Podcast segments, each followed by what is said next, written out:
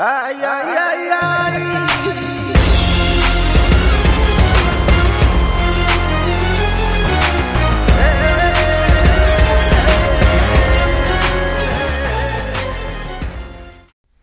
Hallo Leute, was geht und willkommen zu einer neuen Folge. Ich sage ich jedes Mal. Heute äh, werde ich einfach mal aus den Ferien nichts erzählen. Wahrscheinlich werde ich nur eine Minute darüber reden, warum ich so lange weg war. Ähm, und dann gibt es ein Gameplay oder Grüße oder irgendwas. Und ich probiere mal aus, ob man auch mit dem Mikrofon halt den Sound aus Brawl hört. Und dann. Hey, warum macht mein Mikrofon Geräusche? Hallo? Ist plötzlich lebendig geworden, krank. Und äh, ja, heute werde ich dann einfach erzählen.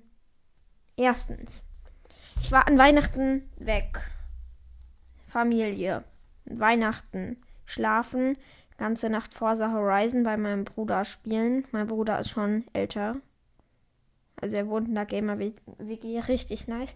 Hat auch einen richtig krassen PC. Und dann habe ich halt Forza Horizon gespielt und es gibt halt keinen einzigen Bug. Der hat gefühlt 100 FPS. Trotz alles, was die Grafikkarte brechen muss. Und ich glaube sogar, die Grafikkarte ist größer als das normale Be Betriebssystem. Das ist einfach so eine richtig fette Grafikkarte. Ähm, und dann bin ich wieder nach Hause gefahren mit meiner Familie. Ähm, dann dachte ich, ich kann weiter Podcast machen, aber direkt am nächsten Tag sind wir in Skiurlaub gefahren, in Anführungsstrichen. Wir fahren nämlich fast jede äh, Winter auf eine Hütte irgendwo in den Bergen, aber halt nicht ins Skigebiet. Einfach irgendwo abgelegen. Dann spielen wir da Karten, gehen rodeln. Aber wir waren kein einziges Mal rodeln. Halt immer welche ohne Strom und Wasser, wo man halt immer mit Kamin heizen muss. Und es gab gerade noch so Schnee, aber ich konnte die anderen nicht überzeugen, dass wir Schlitten mitnehmen. Äh, dann sind wir nach drei Tagen wiedergekommen. Die Folge habe ich dann, glaube ich, gelöscht. Dann bin, sind wir wieder los nach Silvester zu Freundinnen von meinem Vater. Die haben auch eine neue Katze. Äh, er ist drei Monate alt und die heißt Katze, wie die ältere Katze, die davor war. Die wurde aber überfahren, leider. Ähm, dann haben sie halt Katze rausgeholt aus dem Keller nach einer Woche, weil sie zutraulich geworden ist. Dann ist sie erstmal gegen die Fenster gesprungen, ähm, hinter den Kühlschrank geklettert, er wollte sich überall verstecken und dann ist sie halt hinter die Kühlstäbe vom Kühlschrank gegangen. Eine halbe Stunde lang, aber die werden halt übelst heiß, weil äh, man muss ja, um Kälte zu erzeugen, braucht man warme Energie. Nee, braucht man Energie, die heiß wird, weil sie so schnell fließt. Äh, und ja, dann ist sie komplett traumatisiert wieder in den Keller und wir konnten sie nicht sehen. Ähm, hat sich irgendwo verkrochen. Äh, ja. Und wir haben halt auch nicht geböllert, obwohl ich Böller habe. Ich habe fünf Böller gehabt. Habe ich aber zu Hause vergessen. Aber die Familie böllert halt auch nicht wegen Katzen. Die Katzen sind ja immer richtig ängstlich vor so lauten Geräuschen und deswegen haben wir auch nicht geböllert. Wir sind nur auf den Berg gelaufen. Wow, geil. Da war ein Mäusebussard. Ich nehme jetzt in der Dämmerung auf. Es ist 17 Uhr. Der ist einfach ins Wohngebiet gekommen. Hm, vielleicht hat er unser Kaninchen aufgefressen. Ähm, und dann sind wir halt auf den Berg gelaufen. Mein Freund hat aus Versehen äh, Schnaps. Nee, warte. Doch, es kann, glaube ich, sogar Schnaps statt ähm, oh, Saft getrunken. Und nee, nee, das war, das war. Wie heißt das? Das war. Also es war dunkel, dann hat er sich irgendeine Flasche genommen. Er äh, dachte, es wäre Saft, aber es war nicht Sekt. Doch Sekt. Und er findet Sekt voll eklig, aber ich liebe Sekt. Ich trinke immer alkoholfreien Sekt, wenn ich darf. Ich, ich feiere Sekt so krass. Und Uludakasros auch. Vielleicht kennt ihr das. Türkisches Erfrischungsgetränk. Ich war nämlich dann noch bei Freunden übernachten, deswegen kommt jetzt erst eine Folge. Hey, wir haben so viel Uludakasros getrunken. Ist halt kein Energy Drink, glaube ich. Wenn doch, dann ist das voll illegal. Aber die haben bei Lidl einfach verkauft, sogar als wir vier Flaschen äh, Dosen gekauft haben. Und jetzt, ich mache einfach die Folge endet, wenn mein Uludakasros leer ist. Ich habe nämlich noch eins.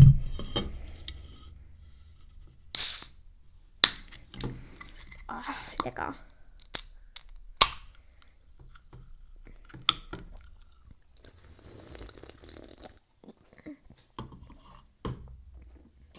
Mm. Es schmeckt halt irgendwie wie Red Bull. Nur nicht nach Red Bull, sondern einfach nur nach Kaugummi irgendwie. Es schmeckt voll nice. Das trinkt Julian Bam auch immer. Oder? Ja, ich glaube, Julian Bam trinkt auch Huludakas aus. Ist der Türke oder ist der Asiate? Warte, seine Mutter war, glaube ich, ne, aus einem anderen Land.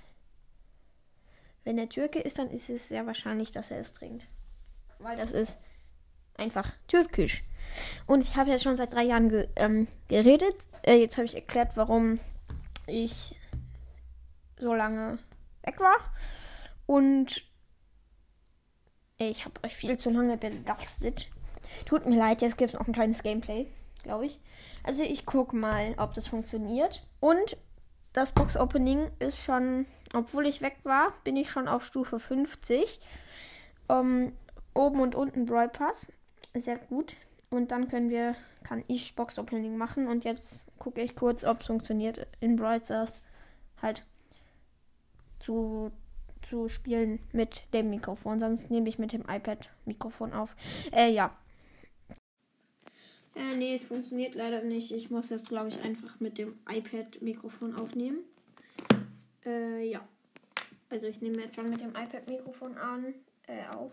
Dann kommt der Sound auch. Und mh, mm, der schaltet sich von selber aus, wenn ich das Mikrofon anschließe. Er ist sehr blöd. Ich möchte nämlich eigentlich immer mit dem guten Mikrofon äh, spielen, äh, aufnehmen, Podcast machen. Mm. Und ich trinke jetzt nebenbei Umudagatsotz.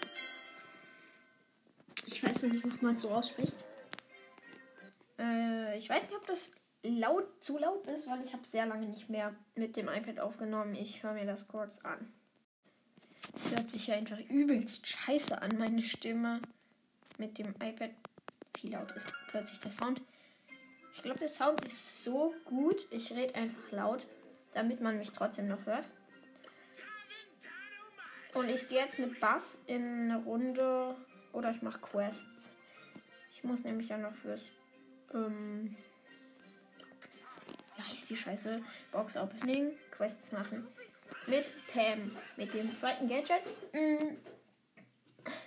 Äh, Brawl. Underdog mit einer Bell und einem Bull, der auf Star Power ist. Ich schieße gerade den gegnerischen Lu ab.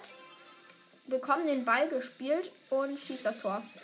An Barley, Lu und Search vorbei. So ich, es irritiert mich so, wenn das so laut ist. Äh, tut mir leid, wenn ihr jetzt nichts hört vom Spiel. Ähm, ich schießt, ich habe den Search gekillt. Äh, der Lu hat mich fast gekillt. Ich bin auf 270 HP. Ich mache davon mal meine Heal Station hin. Äh, wir sind auf der gegnerischen Seite und ich schieße das Tor. Richtig clean an den beiden vorbei. So plus 12 wegen Underdog und ich gehe, ich geh, glaube ich, aus der Runde raus. Ja, sorry, Bull. Ähm, mm, ich gehe da mit Byron. Mm, ich will irgendwie gar keine Quest machen. Byron oder jemand anderem. Ich gehe mit, doch mit Byron. Nee, ich gehe einfach, ich push nur. Mit Poco Floco und dem ersten Gadget. Mm bin mit einer Nita und einer Tara. Und die Gegner sind Tara, Dynamike und noch irgendjemand. Äh, Äh, warte. Cold. Ja, Cold heißt der Junge. Der Ehren- und Ehrenbree. Er ist auch auf Star Power. Und die auch noch. Nee, Tara habe ich nicht gekillt. Ich habe Cold gekillt. Jetzt habe ich äh, die Nita von uns hat die Tara gekillt. Whip, whip. Ey. Ja, der Dynamite hatte kein Tor geschossen, weil Tara sehr guter Torwart ist. Ich habe sie gehealt. Wir sind jetzt auf der anderen Seite bei den Gegnern. Ich nehme mein Gadget und gehe drauf. Und Tor geschossen. Ich fühle mich voll krass. Ähm, äh, yep. Der Dynamite von den Gegnern ist aber auch echt gut, muss ich sagen. Weil der killt uns die ganze Zeit. Ja, die Tara hat auf ihn geschossen. Und zweites Tor. Fertig. Tschüss. Äh, ja. so, das war ich. Jetzt habe ich Poco auch hochgepusht. Ich nehme nochmal Lu, obwohl ich ihn erst auf Rang 12 habe. Ich will die Brawler nämlich immer für Season Reset ein bisschen über Rang 20 haben. Aber ich bin mit Lu richtig schlecht. Aber ich mag so schlechte Gegner. Das ist immer voll witzig, da kann man Trickshots machen. Aber Lola ist halt so überpowered. Das mag ich nicht. Äh, spiel mal rüber, Kroom. Nee, hat nach vorne gespielt. Und ich, also ich bin mit Kroom, äh, Kroom, Kroom, keine Ahnung, wie der Typ heißt. Und, warte, ich habe Tor geschossen. Kroom und, äh, dieser Typ, der einfach eine Kasse auf dem Kopf hat. Ich habe die Namen vergessen. Ich mache mal das Eis auf den Ball, aber die haben den Ball schon geholt und haben Tor geschossen. 1-1. Äh, um, dann schieße ich jetzt die Lola ab. Hab kein einziges Mal getroffen. Hab einmal getroffen. Sie versteckt sich hinter der Schan Nische. Ich muss die Brawler-Namen lernen, damit es bessere Podcasts gibt. Und ich muss trinken. Mm. So, ich gehe jetzt nach vorne. Der andere ist auch schon vorne. Sehr gut. Und er hat den Ball verloren, wurde gekillt. Ja, das war Kroom, der gekommen ist. Ich wurde auch gekillt vom Search.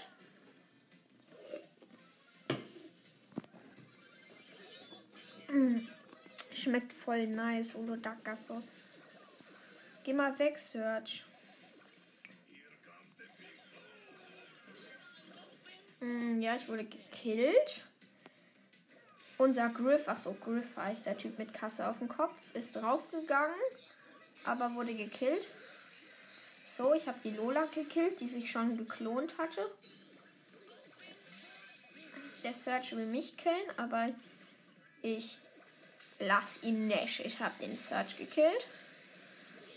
Der gegnerische Crew ist in meinem Eis. Die Lola auch. Ich habe die Lola fast. Das war knapp. Aber der Griff hat die Lola geholt. Es sind noch 10 Sekunden zu spielen. 1-1. Schieß mal nach da mein Ulti. Das war gerastet. Und ja, wir haben den Ball. Verlängerung.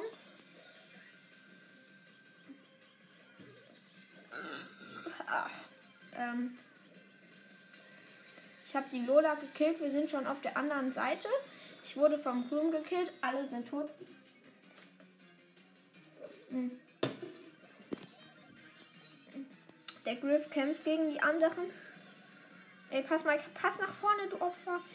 Ja, danke schön. So, jetzt kann ich die Lola Hops nehmen. Ich ziehe mit dem Ulti aufs Tor. Oh, das war so knapp. Das war so knapp, mein Schuss. Oh, scheiße, die Gegner kommen. Die Gegner kommen. Die Gegner kommen. Die Gegner kommen. Die Lola ist im Ballbesitz. Kurz vor dem Tor. Der Kroom kommt. Ja, jetzt lass uns nach vorne rennen. Alle sind tot. Pass rüber. Pass rüber. Okay, schade. Ich hätte das Tor geschossen, aber die Zeit ist um. Ähm, und ich glaube, es war es jetzt auch mit dem Gameplay, weil ich jetzt schon über 10 Minuten lang geredet habe und äh, kauft euch auch alle Uno Duck weil es sehr lecker ist. Ist so grün und da sind zwei Basketballspieler drauf und das ist echt nice. Und tschüss. Ja. Ich mache, glaube ich, ein neues Intro. Ja, ich mache einfach ein neues Intro. Ähm, und dann noch ähm, frohes neues Jahr. Warum habe ich das am Anfang nicht gesagt? Ich bin dumm. Okay, ciao.